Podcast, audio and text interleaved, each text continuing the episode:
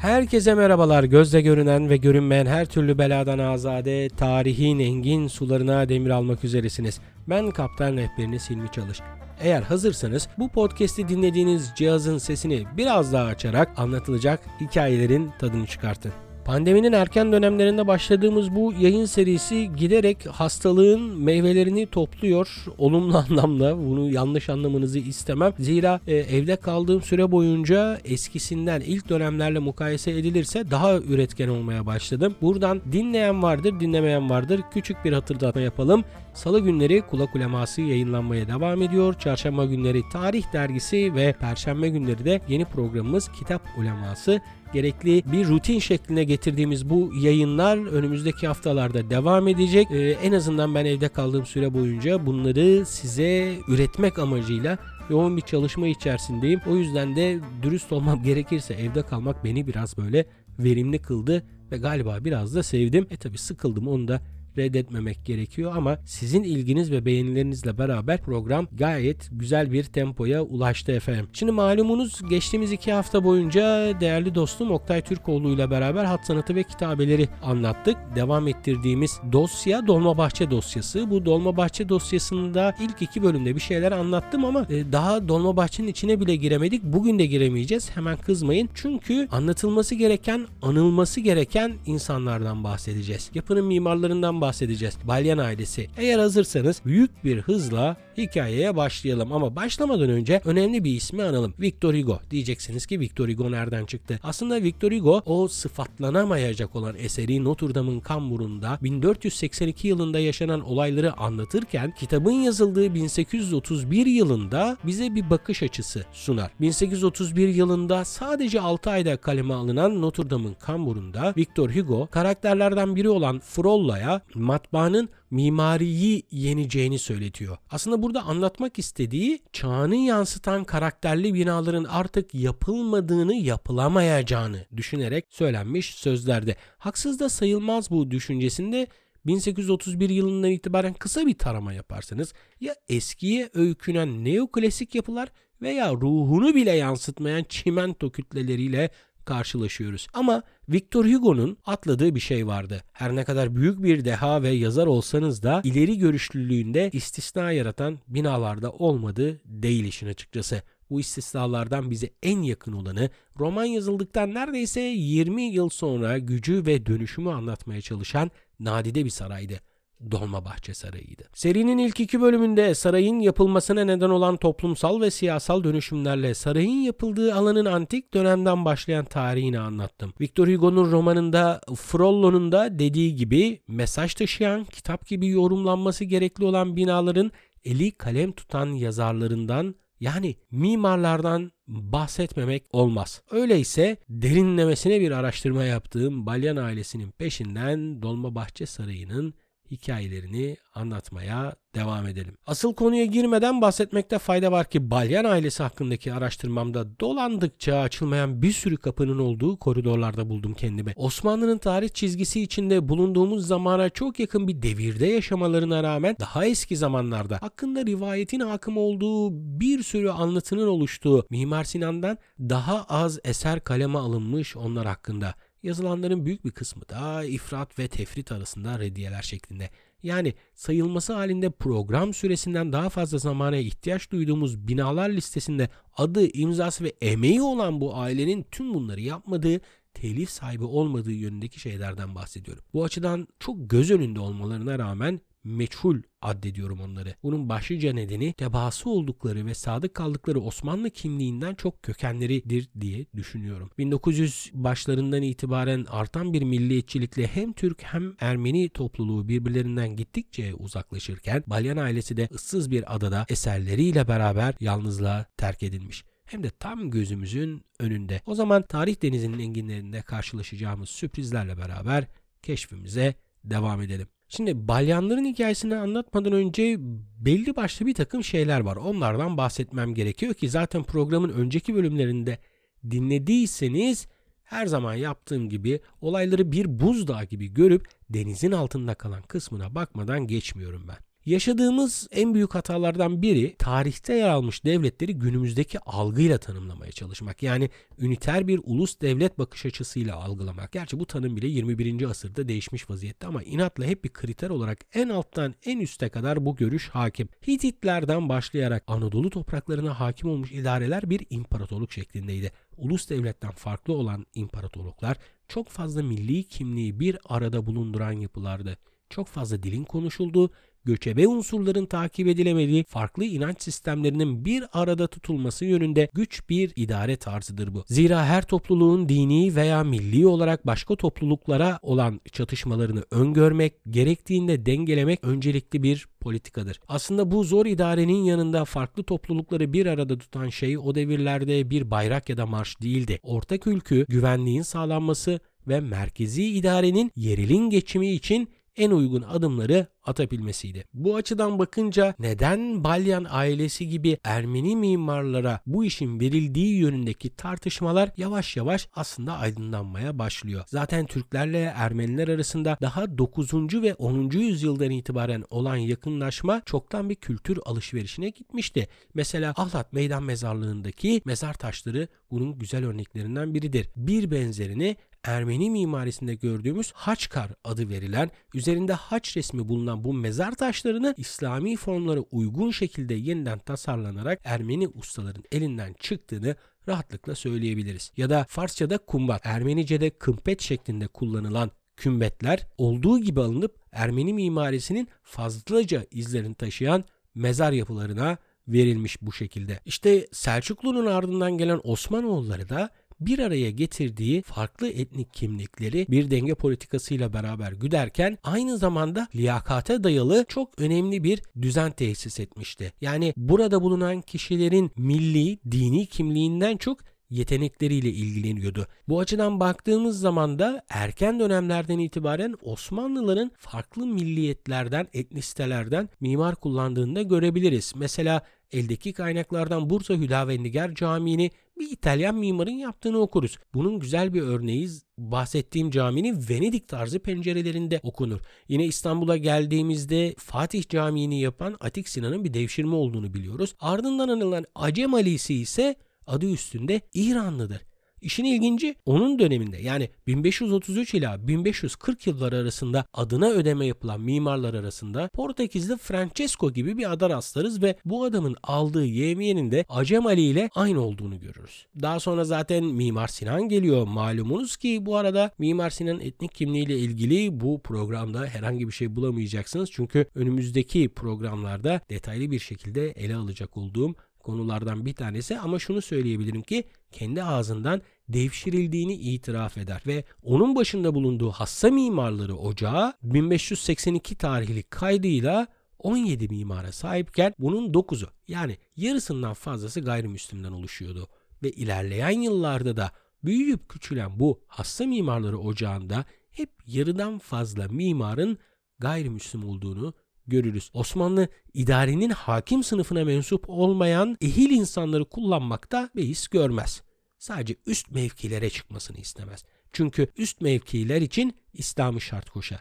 Aşağı mevkilerde kalmak da zımmi yani cizye vererek bir İslam toprağında oturma hakkına sahip gayrimüslim vatandaşlar tarafından da rahatsız edici bir durum değildir. Zira eğer devlet için hizmet görürlerse bu zımmiler cizyeden muaf tutuluyorlardı. Kurduğu sistemle dönemi için hakim güç olan Osmanlı zımmilerden fazlaca istifade etmiştir. Buna daha güncel bir tanımlamayla sadakate değil liyakate dayalı bir sistem kurmuşlar desek daha doğru olur. Mesela Osmanlı'da Rumlar daha çok bürokrasi içinde dil bilgileriyle görev alırken Yahudiler dış ticarette kendilerini gösteriyorlardı. Ermeniler ise taştan başlayarak her türlü el üretiminin baş köşesindeydi. Hatta bugün bile kapalı çarşıya gittiğinizde üretimin ve tasarımın hep Ermeni ustalar tarafından yapıldığını görürsünüz ki en bilindik örneği günümüzde dünyaca ünlü Sevan bıçakçıdır. Ayrıca yapı ustaları arasında da hep Ermeniler vardır. Mesela 4. Murat zamanında Ast Façatur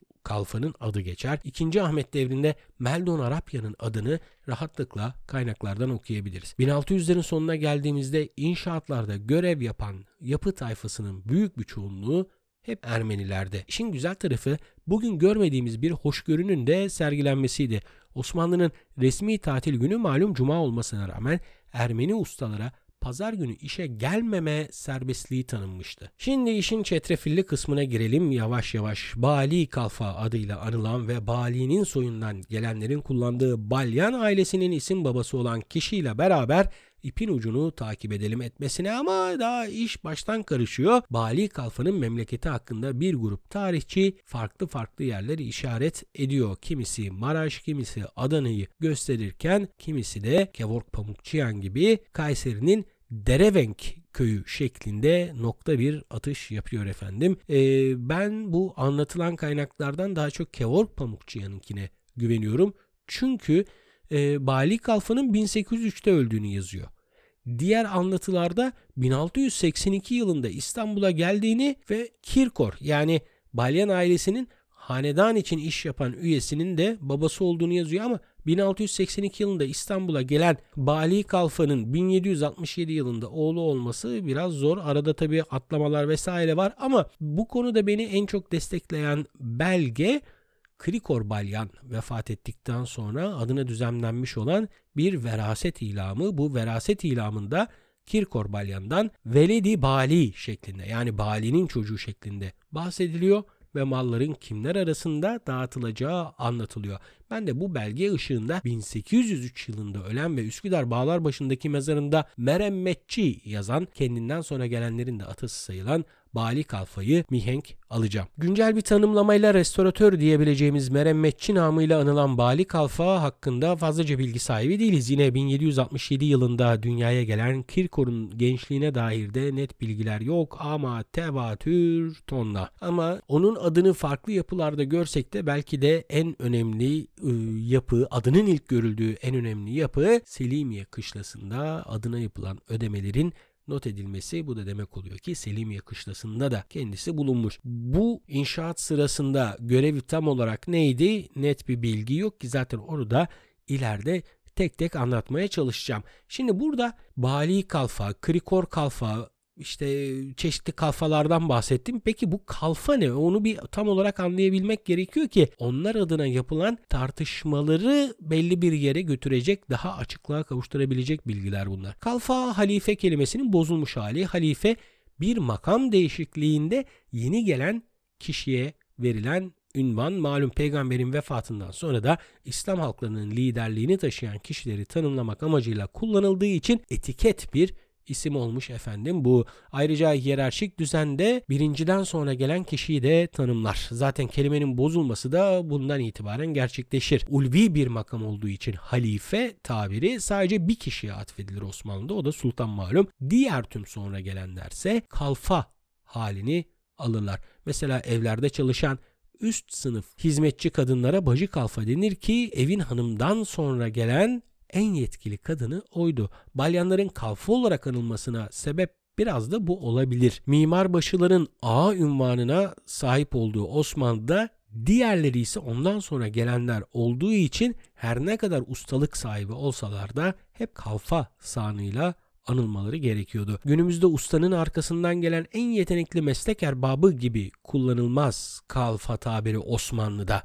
Zaten ilerledikçe detaylıca anlatacağım. Biz şimdi neden kalfalık addedildiğini öğrendiğimiz Kırkor'un hayatına geri dönelim. Kirkor ve adını sadece kaynaklardan öğrendiğimiz ama fazlaca bilgi sahibi olamadığımız kardeşi Senekerim üretken bir şekilde İstanbul'da inşa edilen eserlerde çalışmışlar. Bu reddedilemeyecek bir olgu ama tam da devletin ve toplumun değişim dönemine gelen bu yıllarda karmaşık olan şey bu eserlerde nedenli telif sahibi olduklarıdır. Çünkü biraz önce de bahsettiğim hassa mimarları ocağı hala aktiftir. Evet çeşitli dedikodular ayyuka çıkmış olsa da Balyan kardeşler hassa mimarları ocağına bir şekilde iş yapan eserlerde çalışmışlar. Bunu çok rahat biliyoruz. Ama 1831 yılında çok önemli bir reform gerçekleşiyor. Bu hassa mimarları ocağı kapatılıyor. O yüzden de 1831 yılından önce inşa edilmiş ve balyanlara atfedilmiş eserlere temkinli yaklaşılması fikrindeyim ben. Buna rağmen rahatlıkla söyleyebilirim ki 1831 imar reformu belki de devletin bütçesi düşünülerek balyanların da daha rahat hareket edebilmeleri için çıkarılmış olabilir. Bunda neden dediğimi yavaş yavaş anlatmaya çalışayım. Krikor balyan, krikol kalfa veya sadece ilk balyan desek de onun hakkında derinlemesine anlatılması gereken tanımlama amiradır. Zaten bir yerlerde bu ifadeyi görmüşsünüzdür. Balyan ailesiyle ilgili bir şey okuduysanız. Sadece Kirkor değil, ailenin diğer erkek fertleri de isim ve soy isimleri arasına amira ifadesi koymuşlar. İşte bu ifade aslında bize onların neden makbul isimler olduğunu ve yapıların inşasının onlara nasıl emanet edildiğini de anlatacak. Konu dağılıyor farkındayım ama e, bu bilgiler ışığında onları anlamaya devam edelim. Bakalım bu amira tam olarak ne oluyormuş. İlk bilmemiz gereken şey Ermeni cemaatin diğer Hristiyan mezheplerinden farklı olarak otoriter bir kilise temelli yapı olmadığıdır. Ruhanilerin gücü bir Vatikan veya Fener kadar kuvvetli değildir. Cemaat üyelerinin söz sahibi olduğu Ermeni Patrikhanesi bu yüzden 1655-1657 yılları arasında patrik çıkaramadı. Zira sivillerin de bulunduğu kurul kimseyi bu makama uygun bulmadığı için makamı boş bırakma kararı aldılar. Başlarda bu kurul üyeleri hoca veya çelebi şeklinde anılırken 1750'lerden sonra emreden, idare eden anlamlarına gelen ve bizim tam olarak amir diyebileceğimiz amira tabiriyle anılır oldular. Bunların en meşhuru da 1800'den itibaren saraya gittikçe yaklaşan Kazaz Artin Bezciyan'dır. Hatta kendisi için amiraların amirası denir ki en yakın olduğu isimlerden bir tanesi Sultan II. Mahmud. Bu aralarındaki münasebetin ne derecede olduğunu şöyle anlatayım efendim. Artin Bezciyan, Kazaz Artin Bezciyan vefat ettiği zaman sultan cenaze merasiminin saraydan başlatılmasını bile emreder. Aralarında bu denli muhabbet olan Bezciyan'ın sultana Krikor'u yani diğer bir amirayı tavsiye etmesi muhtemeldir. Bunu destekleyecek şekilde 1822 yılında Kayseri'ye sürgün edilen Kirkor'un affedilmesinde de aracı olduğunu biliriz Bezciyan'ın. Ayrıca bu dönemde kaynaklarda gördüğümüz Foti Kalfa, İstefan Kalfa, Artin Kalfa gibi o dönemde birçok Ermeni kalfa arasından sıyrılması ve Krikor'un sultanın tahta çıktığının daha birinci yılında imtiyaz beratı alması bana başka ihtimali getirmiyor. Aslında ona atfedilen yapılar hakkında konuşmaya başlamak için sabırsızlanıyorum ama son bir şey de anlatmadan geçmeyeyim. Sıklıkla vurguladığım 1831 reformuyla hassa mimarları ocağı kapatılır. Özellikle 1700'lü yıllarda değişime ayak uyduramamış ve gerileyen ekonomiyle beraber gelirleri azalan mimar ağların adları yolsuzlukla bir anılır olmuş ve saygınlığı ayaklar altına kalmış. Ayrıca o dönemin ifadesiyle fenni mimari kavramına uzak olup gelenekten sıyrılmamaları da bir başka etken efendim. Hal böyle olunca islahat için yanıp tutuşan 2. Mahmut ocağı kapatıp bir meclis haline getirir. Meclis bir yer yapılacağı zaman ilk keşfi oluşturup projeyi hazırlar. Sonra da ihaleye çıkararak açık eksiltme usulüyle en düşük fiyatı veren teklifi kabul eder. Böylelikle hazine israftan kurtulacak, liyakat sahibi girişimci mimarların önü açılmış olacak ve fenni mimari olarak anılan teknikle yapılar yapılacaktı. Az önce de söylediğim gibi bu tarihten önce hassa mimarlarının hala etkin rolü olduğu unutulmamalı. Yapılan binalarda Ermeni ve Rum kalfalar elbette çalışmış ve bundan dolayı özellikle vergi imtiyazları almışlardır. Bundan eminiz. Bu gerçeğe rağmen 1831 öncesi yapılmış binalarda %100 bir balyan imzası olduğuna pek ihtimal veremiyorum. Bunun en güzel örneği Krikor Kalfa'ya atfedilen 1822 tarihli Nusretiye Camii masraf defterlerinde görülebilir bina emini yani işi sadece yapının muhasebesini takip etmek olan kişiye 5000 Hattat Haşim Efendi'ye 2000 diğer Hattat Yesarizade'ye 1000 akçe verilirken Kirkor Kalfa'ya sadece 600 akçe verildiği kayda düşülmüş. Yani 1831 öncesindeki dönemde Kırkor Balyan'ın dominant bir figür olmadığını söyleyebiliriz. Peki ne oldu da Balyanlar bu tarihten sonra daha ön plana çıktılar? Soruyu sormak kolay ama cevabı biraz vermek zor. Öncelikle Balyanların bir amira olduğunu tekrar hatırlatayım. Yani saygınlığa ve bir birikime sahip insanlar varlıkları Kirkor'un miras belgesinde de rahatlıkla görülebilir. Bu onların aldıkları işi finanse etmelerine kolaylık sağlamıştır. Darphane eminliği gibi önemli bir po- pozisyonda olan diğer Ermeni amiralar ve yavaş yavaş serpilmeye başlayan bankerlerle de ilişkileri yüksektir amira balyanları. Hal böyle olunca devlete öngörülenden daha düşük maliyetli iş yapmayı vaat etmiş olabilirler. Hele bir de hassa mimarlarının uğrattığı zararlar göz önünde bulunursa da bu daha anlam kazanıyor. Ayrıca bir amira olarak Kirikor Balyan'ın sultana da yakın olduğunu unutmamak gerekiyor. Sultanın kafasındaki değişimin de farkındadır. Amiraların İstanbul'un dışındaki dünyayı tanımaları ve bunu yansıtabileceğini de hesaba katarsak belki de 1831 fermanının Krikor Balyan için çıkarıldığını söylemek fazla iddialı olmaz. Neticede yeni düzende Balyan ailesinin ilk kuşağı belli bir söz sahibi olmak üzereyken bu tarihte Krikor Balyan'ın ömrü vefa etmez. Vefatından kısa bir süre sonra Kazazartin yani onu Kayseri'deki sürgünden geri getiren amiraların amirası Kazazartin Bezciyan'ın yakın olduğu 2. Mahmut'a Kirkor'un oğlu Garabet ve Kirkor'un damadı Ohannes Serveryan tavsiye edilir. Küçük bir parantez açalım. Serveryan için çünkü Balyan ailesinin evlilik yoluyla üyesi olan bu kişi belli bir süre sonra neredeyse ortadan yok oluyor. Dolmabahçe Sarayı inşaat kayıtlarında bile belli bir süre adı görünür ama daha sonra tamamen yok oluyor. Aynı şekilde oğlu Artin Serveryan'da Ortaköy Camii inşaatında fazlaca ön plandayken sonradan el çektirilir. Bununla ilgili ihtimalleri o yıllarda yayımlanmış bir gazetede bulabiliriz. O yılların Ermeni yayın organı olan Hayastan gazetesine göre bir haber vardır. Sultan tarafından iltifata mazhar olup kendine Mecidiye nişanı verilen Artin Serveryan dayısı Garabet'in kıskançlığı nedeniyle kendine verilen işlerden el çektirilmiş. Yani aile içinde de ciddi bir mücadele söz konusu. Şimdi biz aile içi kavgaları bir kenara bırakalım ve sultanın ilgisine mazhar olan Garabet ve Ohannes'in ilk yıllarda neler yaptığına bakalım. Babasının amiralık ünvanını ve padişah mimarlığı diyebileceğimiz bir konumu da miras alan bu ikili ilk yıllarda neredeyse hiç ayrılmadan ortak hareket ederler. Biri babasının diğeri kayınpederinin adını layıkıyla yaşatmaya devam eder. Adlarını gördüğümüz ilk yapı günümüzde Kazlıçeşme'de yer alan Surpırgiç Vakıf Hastanesi olur. Padişah için yaptıkları ilk işlerinden bir tanesi de 1836 yılındaki eski Çırağan Sarayı'nın yapımıdır. Bu saraydan sonra da asıl önemli işi Dolmabahçe Sarayı'nın sorumluluğunu alırlar efendim. Babası gibi alaylı bir şekilde yapı işlerini öğrenen Garabet oğulları için farklı bir yol seçer. Sahome Hanım ile olan evliliğinden 10 çocuğu dünyaya gelir ve tüm erkek evladı neredeyse istisnasız bir şekilde babasının kurup kendinin geliştirdiği aile şirketinde istihdam edilir.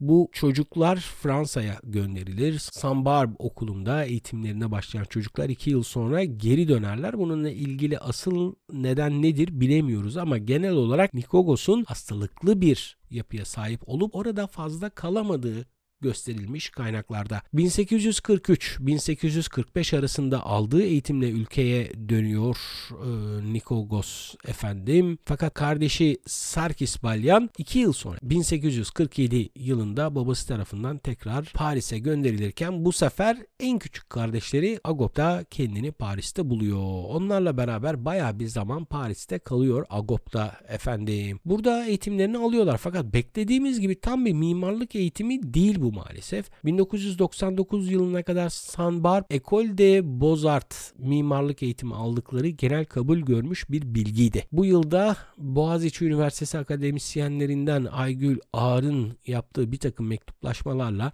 ailenin neredeyse hiçbir ferdinin orada mimarlık eğitimi almadığı kanıtlandı. Sadece San Barb'da eğitim almışlar. Bu okul mesleki bir okul değil ama daha çok bizim genel kültür liseleri gibi bir okulmuş efendim. Bu Fransa macerası bittikten sonra Nikogos babası ile daha yoğun bir çalışma mesaisine başladı ve Dolmabahçe Sarayı'nın tören kapılarına ve muayyede salonuna imza attı. Saray bittikten sonra büyük bir ihtimal veremden dolayı 32 yaşında hayata gözlerini yumdu.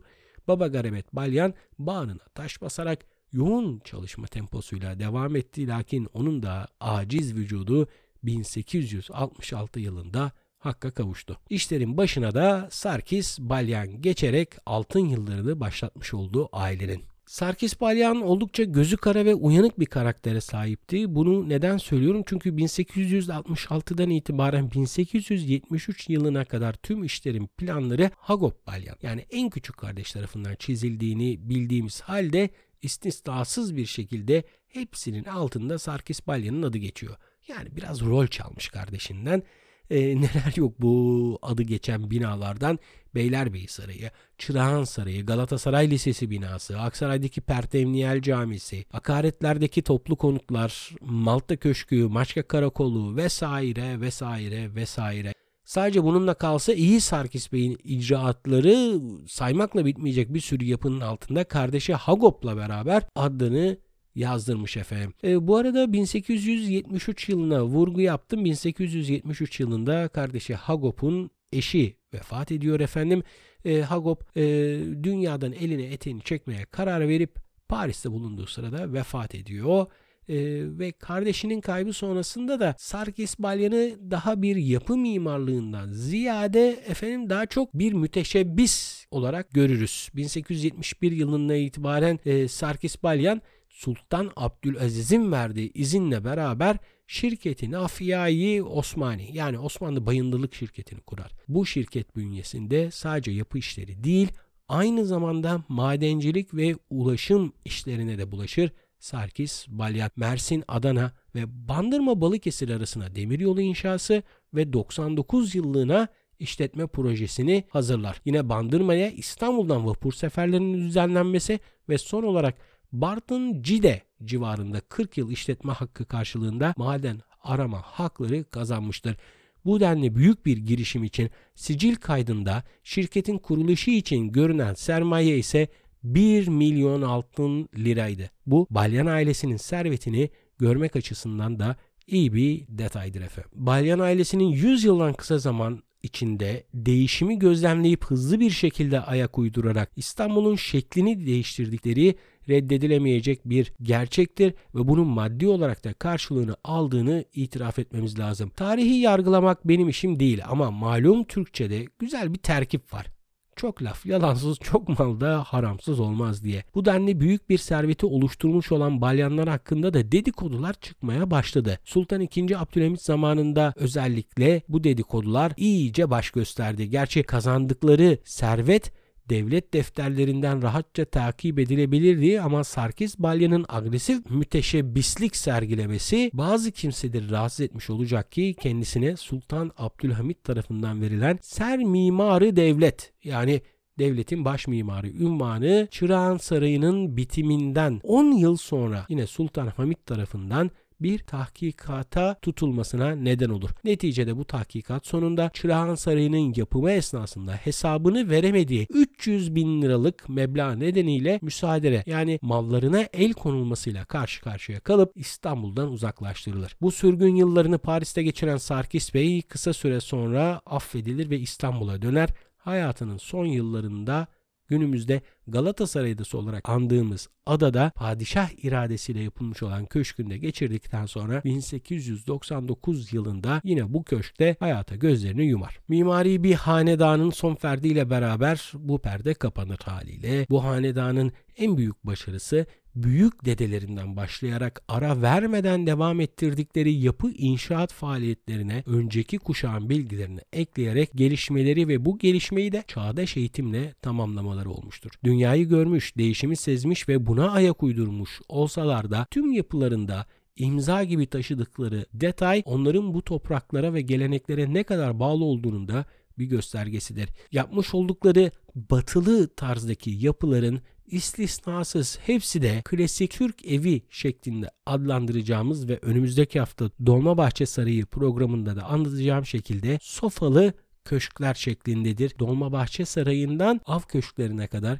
sofalı köşkler onların Türk ev tipolojisini nasıl özümsediklerini batıyı taklit etmekten ziyade Türk evine bu batılı kıyafeti giydirdikleri şeklinde de yorumlanabilir. Tam bir yüzyıl boyunca ailenin yapı işindeki her bir ferdinin İstanbul'un çehresini değiştirdiğini reddetmemek lazım. Hatta Daha iddialı bir şekilde olaya bakan merhum araştırmacı Pars Tuğlacı, batılılaşmanın sembolü olarak anar Balyan ailesini. Batıya doğru meyleden devletin vitrinini oluşturan Balyan ailesi zamana direnç gösterip bir istibdat rejimi tesis eden Sultan Hamid devrinde faaliyetlerine son verseler de ortaya çıkışları gibi sahneden ayrılışları da büyük gizemler taşıyan aile Türk-Ermeni ilişkilerinin de etkisiyle unutulur, unutturulur efendim. Şimdi e, hikaye tabii bu kadar değil. İnanın bu bu konu hakkında yapmış olduğum araştırma ve araştırmaya bağlı olarak elde ettiğim notların büyük bir kısmı maalesef zaman kısıtlamasından dolayı bu programda kendine yer bulamadı.